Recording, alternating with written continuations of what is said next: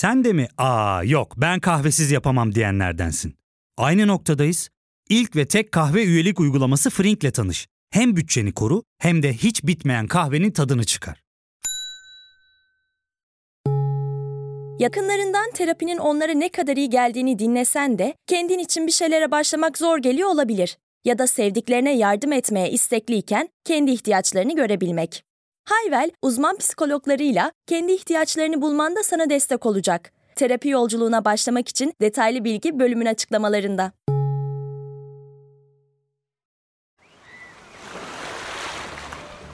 Şimdi Ege ya da Akdeniz sahillerinde çok da büyük değil. Böyle mütevazi bir tatil köyünün plajında güneşlenip şöyle soğuğundan bir bira açıp lıkır lıkır içmek, üstüne bir de deniz sularına atlayıp serinlemek vardı. Hatta belki de vardır. Bayramda tatil yaptıysanız, hatta tatiliniz hala devam ediyor, üstüne bir de bu bölümü tatilde dinliyorsanız, valla ne diyeyim, keyfinizi çıkarın, benim için de yüzün. Ama diyorsanız ki ya ne tatili, bu fiyatlara tatil mi yapılır Ozan? Ya da lıkır lıkır içilen bira dediğimde aklınız önce cebinize gidiyorsa e siz de haklısınız. Ama bir yere ayrılmayın siz de doğru yerdesiniz. Çünkü Trend Top'un bu bölümünde Türkiye'de bugün turizmin hali ne ne değil bunu konuşuyoruz. Tabii şu sıralar kulağımıza sıkça çalınan orta sınıf artık tatil yapamıyor ifadesinde masa yatıracağız. Kim bu orta sınıf? Ne zamandan beri tatil yapıyordu da şimdi yapamıyor? Ben Ozan Gündoğdu hadi başlayalım.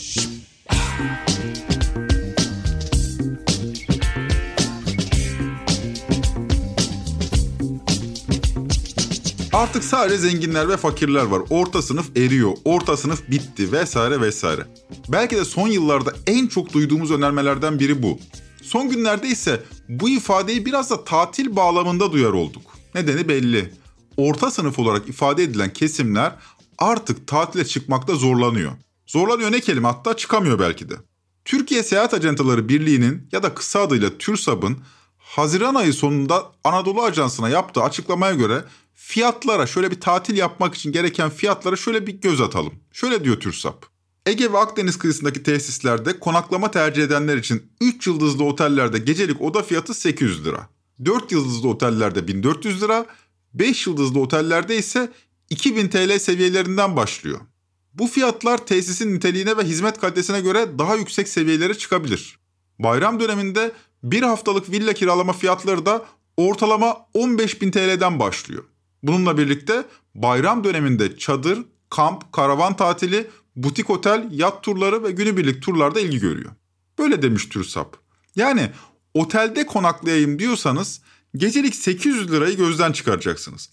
Ailecek tatile çıkmak gibi bir niyetiniz varsa yani bir haftalık bir tatili sadece konaklama bedeli 10 bin liradan fazla bir tutarı harcamayı gerektiriyor. Çocuk sayınıza göre bu tutar katlanarak artacak. Üstelik bu 3 yıldızlı mütevazi bir otel için geçerli. Yani siz konforunuzu arttırayım 4 yıldızlı 5 yıldızlı oteli gideyim diyorsanız çok daha büyük paraları gözden çıkarmanız lazım. Fakat sadece bu değil tabii. Tatil lokasyonuna gitmek için de binlerce lirayı bulan harcamalar yapmak zorundasınız. Niye? Çünkü akaryakıt fiyatları belli. İstanbul'dan İzmir'e gitmek için otomobille gidiş geliş 2000 TL'yi gözden çıkarmanız gerekir. Sadece benzine vereceğiniz para bu. Bu tutar yolun durumuna, arabanıza ve sürüş yönteminize de göre artabilir. Uçak ya da otobüsle gittiğinizde de tatile çıktığınız kişi sayısı arttıkça katlanmak zorunda olduğunuz masraf da artabilir. Tatildeki gıda harcamalarını hiç saymadım bu arada. Yani anlayacağınız tatil yapamıyor orta sınıf. Yapsa da biliyorsunuz tadını çıkaramıyor. Yani gidiyor da kuru kuru eğlenmeden geliyor. Bu tartışmalar sırasında düşünme patikamızda farkına varmadan bir acımasızlık da yapıyoruz bu arada. Önce vatandaş tatile gidemez diye düşünüyoruz. Kimsenin tatile çıkamayacağını düşünüyoruz. Sonra zaten alt gelir grupları için tatil hayaldi de orta sınıflar tatil yapabilirdi diyoruz. En sonunda orta sınıf tatil yapamıyor sonucuna ulaşıyoruz. Yani zaten alt gelir gruplarının tatile çıkamadığını sorun etmiyoruz. Sorun orta sınıfların geriye düşmesi. Peki kim bu orta sınıf? İsterseniz önce onu bir tanımlayalım. Çünkü ne olduğu belli olmayan bir kavram. Biraz muğlak bir kavram orta sınıf. Şimdi sınıflı toplumun iktisat literatürüne girmesi klasik iktisatçılar tarafından ilk defa değerlendirmeye alınıyor. Adam Smith, David Ricardo ve Karl Marx bu iktisatçıların başında geliyor. Klasik iktisat deyince bu üçlü önemli üçlü. Fakat bu ekole göre adına orta denen bir sınıf yok.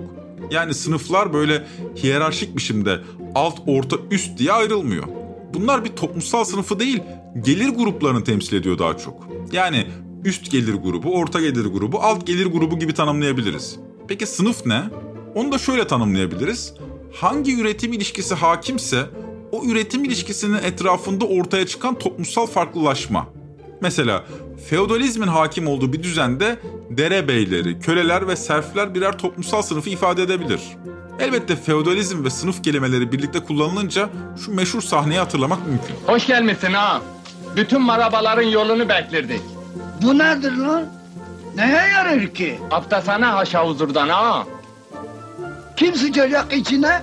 Parayı basan herkese serbest. Yalnız ağamıza beleş. Buyur sana beleş ha. Beleş he mi? Ulan hiç aklınızda yok sizin muhanatlar. Aga'ya beleş. Burada ağa, feodal düzenden kalan hakim sınıfı ifade ediyor. Bizim topraklarda bu düzendeki ezilen sınıf maraba ya da ırgat olarak ifade ediliyor. Hepsine köylü diyoruz ama. Tabii Cumhuriyet'le birlikte feodalizmin tasfiye süreci başlıyor fakat toprak ağlığını tasfiye edebilmek uzun yıllar alıyor. Bu nedenle Türkiye'nin toplumsal yapısı uzun süre feodalizmden kapitalizme veya feodalizmden sanayi toplumuna geçişin sancılarını yaşıyor. Peki sanayi toplumlarında sınıflar nasıl organize oluyor? Burada da iki sınıf var. Çalışanlar, emekçiler ya da proletarya. Bir de çalıştıranlar yani kapitalistler ya da sermayedarlar.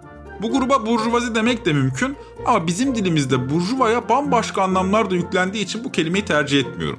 Dünyayı sarsan 10 gün filminde iki sınıftan oluşan toplumsal yapı bir Sovyet askerinin ağzından bir anarşiste şöyle anlatılıyor. Düşüncem sabit. Ama eğitim almadım. Ve bildiğim tek şey var. O da iki sınıf olduğu. Proletarya ve burjuvalar. Sen ne saçmalayıp duruyorsun böyle? İki sınıf var. Eğer birinden değilseniz öbüründen olmanız gerekiyor. İki sınıf var. Eğer birinden değilseniz öbüründen olmanız gerekiyor. Bu haliyle orta diye bir sınıf aslında bulunmuyor. Bugün orta diye ifade ettiğimiz sınıflar aslında büyük ölçüde emekçi sınıfların bir parçası. Fakat yine de orta sınıf deyince gözümüzün önünde bir şey beliriyor. Tarihin çeşitli dönemlerinde farklı orta sınıf tanımlarından bahsetmek mümkün. Yani gelirinden bağımsız olarak sosyal statüsü, toplumsal hiyerarşinin ortasında bulunan bir kesimden bahsediyoruz. Fakat evrensel tanıma baktığımızda orta sınıfı bir gelir grubu olarak tanımlamak da mümkün. Mesela ünlü Fransız iktisatçı Tom Piketty 3 gelir grubu tanımlıyor. En alt %50'lik gelir grubuna halk sınıfı, en üst %10'luk gelir grubuna da üst sınıf olarak niteleyen Piketty, arada kalan %40'lık grubu orta sınıf olarak tanımlıyor. Fakat 21. yüzyılda Kapital adlı ünlü eserinde Piketty bu tanımlamaların tartışmaya muhtaç olduğunu da belirtiyor. Yani bu tanım bir mutlak kavramı ifade etmiyor. Gelir cinsinden tanım yapmak mümkün olabildiği gibi tüketim kalıpları üzerinden de bir tanıma kavuşmak mümkün bu arada. Mesela bizdeki orta sınıf deyince geliri cinsinden değil şöyle de tanımlayabiliriz. Evi arabası olan, mobilyalarını beyaz eşyasını seçebilen, senede birkaç gün veya hafta da olsa tatile çıkabilen, kentte yaşayan meslek sahibi bir kesimden bahsediyoruz. Bize de bu sınıfı orta direk olarak terimleştirebilmek mümkün. Fakat şimdi kim kaldı evi arabası olan mobilyasını seçen tatile çıkabilen derseniz haklısınız. İşte bu yüzden orta sınıflar eriyor diyoruz. Ne zamandan beri? Böyle 1-2 yıldır değil. Yaklaşık olarak 1980'lerden beri süren bir fenomenden bahsediyoruz. 1987 yılında çekilen Kemal Sunal'ın başrolünü oynadığı Kiracı filmi bu erimeyi net biçimde resmediyor. Bugünlere de ışık tutuyor. Dairemiz ufaktır ama kullanışlıdır. Kirası ne kadar? 150 bin. 150 bin lira mı? He. İyi ama benim aylığım 135 bin lira. Hadi senin hatırın için 135 bin lira olsun. Peki ama ben nasıl yaşayacağım? Orasını bilmem. Eğer ayda 135 bin lira alıyorsan 5 kuruş kira vermeden gene yaşayamazsın zaten. Sen ne diyorsun arkadaş? Bu memlekette 46 bin 200 lira asgari ücretle geçinmeye çalışanlar var. Öyle mi? İnanılır gibi değil. Onlar temelde ölmüşler. Bir daire aylığından çok daha fazla kira getiriyorsa demek ki bir daire kadar bile değerimiz yok. Okumuş yazmış bunca yıllık devlet memuru, üç çocuk, bir karı ve bir kaynana sahibi, aklı başında bir adamın bir apartman dairesi kadar değeri olmasın. Kiracı Ne filminden dinlediğiniz bu parçadaki ayrıntıya dikkat edelim. Ne diyor? asgari ücret 46.200 lira. Bir memuru canlandıran Kemal Sunal'ın ise 135 bin lira maaşı var. Yani filmde Kemal Sunal asgari ücretin hemen hemen 3 katını kazanıyor. Bugünkü asgari ücretle kıyaslansa kiracı filmindeki Kemal Sunal'ın bugün 16.500 lira kadar geliri olması gerekirdi. Peki bugünkü kamu çalışanları ne kadar kazanıyor? Temmuz'da yapılan son zamların ardından öğretmenler 12.282 lira, polisler 13.752 lira, hemşireler 11.833 lira, vaizler ise 12.756 lira maaş alacak. Burada verdiğimiz rakamlar en kıdemliler için geçerli. Yani mesleğe yeni başladıysanız bu tutarları da kazanamıyorsunuz. Günden güne bir erime olduğunu söylemek dolayısıyla yanlış olmaz. En iyi ihtimalle 35 yıldır yani Kemal Sunal'ın Kiracı filminden bu yana bir şey değişmedi diyebiliriz. Şimdi 1980'lerden beri orta sınıf eriyor diyoruz da eğri eğri bitmedi mi bu orta sınıf diye de sorabilirsiniz. Gelir olarak hemen hemen bitti demek bence mümkün. İstihdamın %42'sinin asgari ücretli olduğu bir toplumdan bahsediyoruz. Memurların durumunu da anlattık. Yani doktor emeklisini bu durumda orta sınıftan saymalı mıyız bilemiyorum. Şimdi fotoğrafa bir daha bakalım. Piketty'nin halk sınıfları olarak tanımladığı en alt %50 gelir düzeyini koruyor. Ne zenginleşiyor ne yoksullaşıyor. Orta sınıf olarak tanımlanan halk sınıflarının üzerindeki %40'lık kesim ise yoksullaşıyor tamam. İyi de ekonomi yıllardır büyüyor. O halde kim zenginleşiyor? Ya fark ettin mi? Biz en çok kahveye para harcıyoruz. Yok abi, bundan sonra günde bir. Aa, sen Frink kullanmıyor musun? Nasıl yani? Yani kahvenden kısmına gerek yok. Frink'e üye olursan aylık sadece 1200 TL'ye istediğin çeşit kahveyi istediğin kadar içebilirsin. Günlük 40 TL'ye sınırsız kahve mi yani? Çok iyiymiş. Aynen. Hatta şu anda 200 TL'lik bir indirim kodu da var. E hadi hemen indirip üye ol da bu fırsatı kaçırma.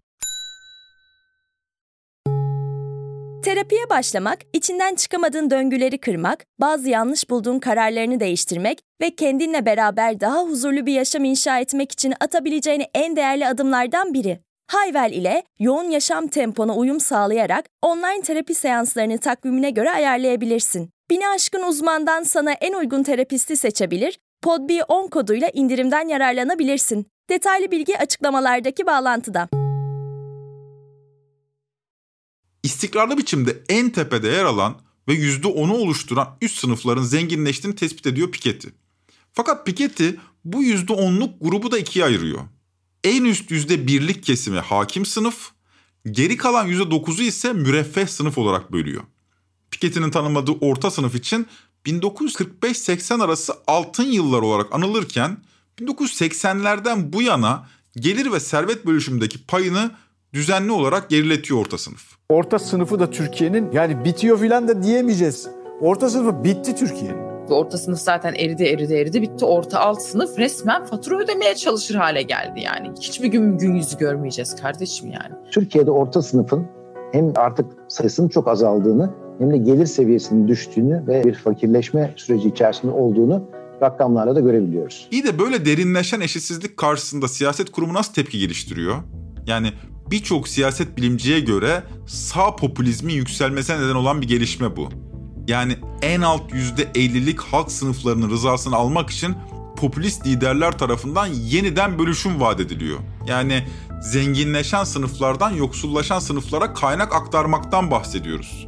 Şimdi bunu duyduktan sonra e, kulağa fena bir önerme gibi gelmiyor diyebilirsiniz. Ancak çoğu zaman %1'lik hakim sınıfa dokunmak mümkün olmuyor. Dolayısıyla hedefe orta sınıflar alınıyor. Halk sınıfları da orta sınıflara karşı popülist siyasetçiler tarafından kışkırtılıyor. Siyaset bilimci doçent doktor Seda Demiralp bu durumu 9 Temmuz'da Medyaskop yayınında şöyle özetlemiş. Türkiye'ye gelince ama daha da dramatik bir tablo karşımıza çıkıyor. Çünkü Türkiye'de biz daha neoliberal popülist politikalar şeklinde gördük. Popülizmin Türkiye'deki tezahürü bu oldu. Böyle olunca batıdaki gibi daha çok en üst sınıfı karşısına alan anti-elitist politikalar değil de hem üst sınıfın hem alt sınıfın rızasını alıp maliyetleri orta sınıfa yükleyen türden popülist politikalar gördük biz son 20 yılda Türkiye'de. E, o yüzden Türkiye'de başka ülkelerden de yani dünyadaki trendlerden de daha ağır yaşanan bir e, zayıflama sürecinden geçti orta sınıf. Bir de bunun üzerine Türkiye'de zaten orta sınıfın geleneksel olarak hiç güçlü olmamasını ekleyelim. Zaten daha güçlü olmuş olsaydı bunlara izin vermeyecekti, mani olacaktı. Şimdi erimeyi sadece gelir düzeyinin gerilemesi olarak düşünmemek gerekir. Toplumsal itibarı da zarar görüyor orta sınıfların. Doktorlar, öğretmenler, mühendisler halk sınıflarının karşısına konuyor. Sanki bu iki kesim arasında bir çıkar çatışması varmış gibi algı yaratılıyor ve orta sınıflar elit diye resmediliyor. Böyle olunca Türkiye'de çok daha ağır bir e, zayıflaması var orta sınıfın. Pek çok şekilde karşımıza çıkıyor. Yani sesini duyuramıyor, politikalara şekil veremiyor. Nedir orta sınıfın önemsediği politikalar değil mesela eğitim. Eğitimin bağımsızlığını yitirmesi, gerilemesi, eğitime harcanan paranın ciddi şekilde azalması, politikalara yön veremiyor, kamu harcamalarına yön veremiyor. Teşvikler çok rutin olarak üst sınıfa diyelim ki konut konut e, üreticilerine giden teşvikler yerine bunun e, alternatif maliyeti orta sınıf için eğitime harcanması olurdu paranın. Eğitim sadece küçük bir örnek ama önemli bir örnek. Eğitimin nicelik olarak görülmesi sonucu üniversite sayısı son 20 yılda 73'ten 207'ye çıkıyor. Fakat aynı dönemde üniversite eğitimindeki niteliksizlik de göze çarpıyor. Üniversitelere atanan rektörler akademik birikimlerine, projelerine göre değil, iktidar partisine yakınlığına göre seçiliyor. Bu durumu farkına varan orta sınıflar itirazlarını yükseltiyorlar ancak halk sınıfları iktidar medyası tarafından kışkırtılıyor. Günün sonunda eğitimin daha da kalitesizleşmesi halk sınıfları tarafından ilginç biçimde talep edilmeye başlanıyor. Daha nitelikli eğitim talebi büyük oranda orta sınıfların talebi. Çünkü sınıfsal ayrıcalıklarını korumanın yolu olarak eğitimi görüyorlar. Sadece bu değil, orta sınıflar aynı zamanda tüm ülke için iyi bir eğitim sisteminin faydalı olduğu görüşündeler. Fakat popülizm tarafından zihinleri manipüle edilen halk sınıfları bu meseleye daha farklı yaklaşıyor. Sade Vatandaş adlı YouTube kanalının kaydettiği bir sokak röportajı bu haliyle ibretlik. Boğaziçi Üniversitem var. 2000'den fazla profesör var. Evet. 25 yıldır bir tane icat yapamamış. Boğaziçi. Dinle bir tane icat yapamamış. Senin Cumhurbaşkanın diyor ki ben buraya diyor bir tane profesör atacağım ve adam diyor ki 5 yıl içinde diyor bir tane icat, icat yapmazsam diyor tamam mı? Ben diyor bu görevden alın beni diyor. Ve diyor maaş aldığım maaşların hepsini diyor bir dakika bir dakika sözümü bitirmeden kesme. Hepsini iade edeceğim diyor. Ondan sonra oradaki belli grup görüşteki insanlar toplanıyorlar ve dıştaki belli gruplar dışarıda toplanıyor. Onu atmak için bütün e, sivil toplumları da engaje ederek e, yürüyüş yapıyorlar, yorum yapıyorlar ve onu Nereden atıyorlar. mezunsun abi? Ben ilkokul mezunuyum. Sultantepe İlkokulu. Aynı bağlamda sağlık sistemini de ele alabilirsiniz. Sağlık sistemindeki krizler yöneticilere, siyasetçilere değil, doktorlara yönelen bir öfkeye dönüşebiliyor. Tüm bunlar yaşanırken vergi ve kamu harcamaları politikaları da orta sınıfı tasfiye etmek üzerine kuruluyor. Orta sınıfın sürekli düşmanlaştırılması yetmiyormuş gibi bu sınıfın yaşam tarzı teşvik edilmiyor. Üzerine vergilendiriliyor. Türkiye'nin kentli meslek sahibi kesimleri hayat pahalılığı altında ezilmesine rağmen beyaz Türk olarak resmediliyor. Sadece gelir düzeyinin gerilemesi ya da toplumsal itibar kaybının dışında bir de çalışma şartları da ağırlaşıyor orta sınıfların. Son zamanlarda sıkça konuşuluyor. Sağlıkta performans sistemi nedeniyle bir doktor, doktor örneği veriyorum çünkü orta sınıfı resmeden bir meslek grubu olduğu için. Bir doktor günde yüzden fazla branşına göre bazen 300 hastaya bakabiliyor. 36 saate varan nöbetler tutabiliyor. Ama biz bölüme girerken tatilden bahsederek başladık. Şimdi konuyu tekrar oraya getirelim. Bu koşullar altında orta sınıfın tatile çıkamamasının bir nedeni gelir düzeyinin gerilemesi tamam. Fakat bir nedeni de tatil hakkının gasp edilmesi. Yani çalışma şartları da kötüleşiyor derken bundan bahsediyorum. Giderek daha zor koşullarda çalışılıyor. Giderek daha uzun çalışılıyor. Ve giderek tatiller de çalışma sürelerine ekleniyor. Ya Allah aşkına 9 günlük bayram tatilinin tümünde dinlenen, 9 gün boyunca işe gitmeyen kamu çalışanları dışında kim var? Tamam hediyeler hazır karıcığım. Bayramın ikinci günü de misafirleri atladıktan sonra Antalya'ya gideriz. Tamam mı? Bayramın tadını çıkaralım. Güle güle. Adam olun adam. Tamam mı? Ben gidiyorum. Şurayı temizlemeyi de unutma. Patron haklı. Bayram bizim neyimize? Bayram patronun hakkı. Elbette kimse tatile çıkamıyor, orta sınıflar da hiç tatil yapmıyor diyecek değilim. Elbette giden gitti yine tatiline ama bu tatilin bedeli de ağır oldu. Dönüş yolunda eğer bir hesap yaparsanız asabınız bozulabilir. Sevgili arkadaşlar böyle durumlarda olan olmuş demek iyidir. Aklınızda kalacağına midenizde kalmış doya doya eğlendiyseniz ne güzel. Tatile gitmeyenleriniz de üzülmesin baya bir paranız cebinizde kalmış. Diyebilirsiniz ki zaten paramız yoktu cebimizde de bir şey kalmadı tatile de gidemedik. Siz de yalnız değilsiniz. 85 milyonluk Türkiye nüfusunda hemen hemen 80 milyon sizinle aynı kaderi paylaşıyor. Saydın mı Ozan nereden biliyorsun diye sorabilirsiniz. Bu hesabı TÜİK'in geçen yıla ilişkin açıkladığı hane halkı yurt içi turizm verilerine dayandırıyorum. İzin verin geçen yılki yerli turist verilerini sunayım. TÜİK'in verilerine göre geçen yılın 3. çeyreğinde yani Temmuz, Ağustos, Eylül aylarında 18 milyon 786 bin yurttaş seyahate çıkmış. Bakın seyahat diyorum. Tatile çıktılar demiyorum. Fakat bu seyahatlerin sadece %39.9'u gezi, eğlence ve tatil amaçlıymış. Yani geçen yılın yaz aylarında 3 ay içinde bir gün bile olsa tatile giden yurttaş sayısı 7,5 milyon kadar. Peki nereye gidiyor bu insanlar? Verilere göre %53.8'i akraba ziyaretlerine gidiyor. Sağlık, kültür, iş gibi nedenlerle yapılan seyahatler toplamın ancak %7'sini oluşturuyor. Yani diyeceğim o ki 85 milyon ülkede en iyimser tahminle 80 milyon kişi bu bayramda zaten tatile çıkamadı. Hayat pahalı değil de pahalı da millet neden tatillere gidiyor? Neden neden? En lüks otellerde de kiralıyorlar. En güzel otellerde duruyorlar. Yan gelip yatıyorlar kulaklı kulağlarında deniz sahillerinde. Bize niye yapamıyoruz? Neden yapamıyorsun? Biz idareciyiz. Yemesini de biliyoruz, gezmesini de her şey yerine göre. Demek ki iyi para alamadığın için gidemiyorsun. Yeter ne olacak? Nankörlük yapmayacağız. Kime nankörlük yapıyoruz? Bundan bunun şeyini, ye, nabalini, boynunu çekeriz, çekeriz. Tatile çıkan 5 milyon. Onların da büyük kısmı bu işin hakkını veremiyor. Turizm sektörü ise para harcarken endişe duymayan üst gelir gruplarına göre organize oluyor. Gerçekten bu memleketteki lüks ve şatafat pek çok Avrupa ülkesinde de yok. Eğlenebilen gerçekten eğleniyor. Halbuki orta sınıfların turizme dahil olması çok önemli. Aksi halde bir müstemleke memleketini andırıyor ülke. Sadece yabancı turistlerin ülkenin tadını çıkardığı, geri kalan halk sınıflarının tatil yüzü görmediği bir tablo daha ne kadar sürdürülebilir bilemiyorum. Aslında turizm denen kavram da 17. ve 18. yüzyıllarda batıda gelişen, yükselen burjuvazi ile beraber ortaya çıkıyor. Yani bundan 200-300 yıl önce turist deyince son derece elit birinden bahsediyoruz. 20. yüzyıla kadar turist denince sadece elitlerden oluşan bir gruptan bahsederken 20. yüzyılla beraber orta sınıflar da turizme dahil oluyor. Bu iki döneme modern öncesi turizm paradigması ve modern turizm paradigması adı veriliyor. Yani orta sınıfın turizme dahil olmasıyla beraber sektörde bir paradigma değişimi başlıyor. Fakat bugün sadece üst gelir gruplarının hakkını verdiği turizm sektörde de değişimlere neden oluyor. Lüks tesisler hınca hınç doluyken halk kesimlerine hitap eden daha mütevazi oteller veya pansiyonlar boş kalabiliyor.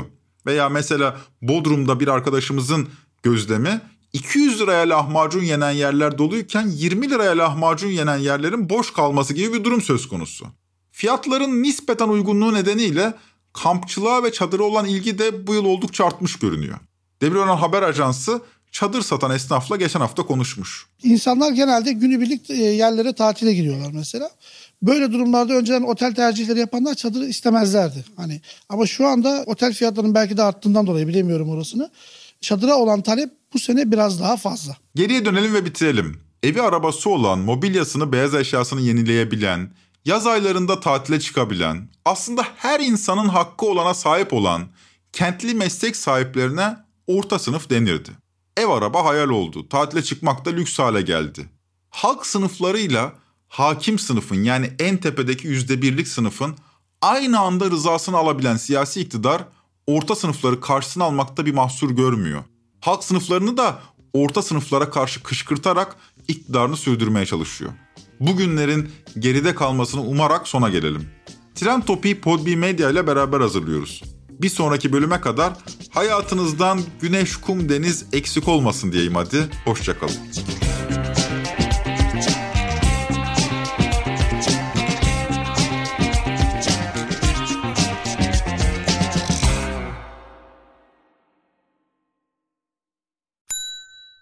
İlk ve tek kahve üyelik uygulaması Frink, 46 ildeki 500'den fazla noktada seni bekliyor.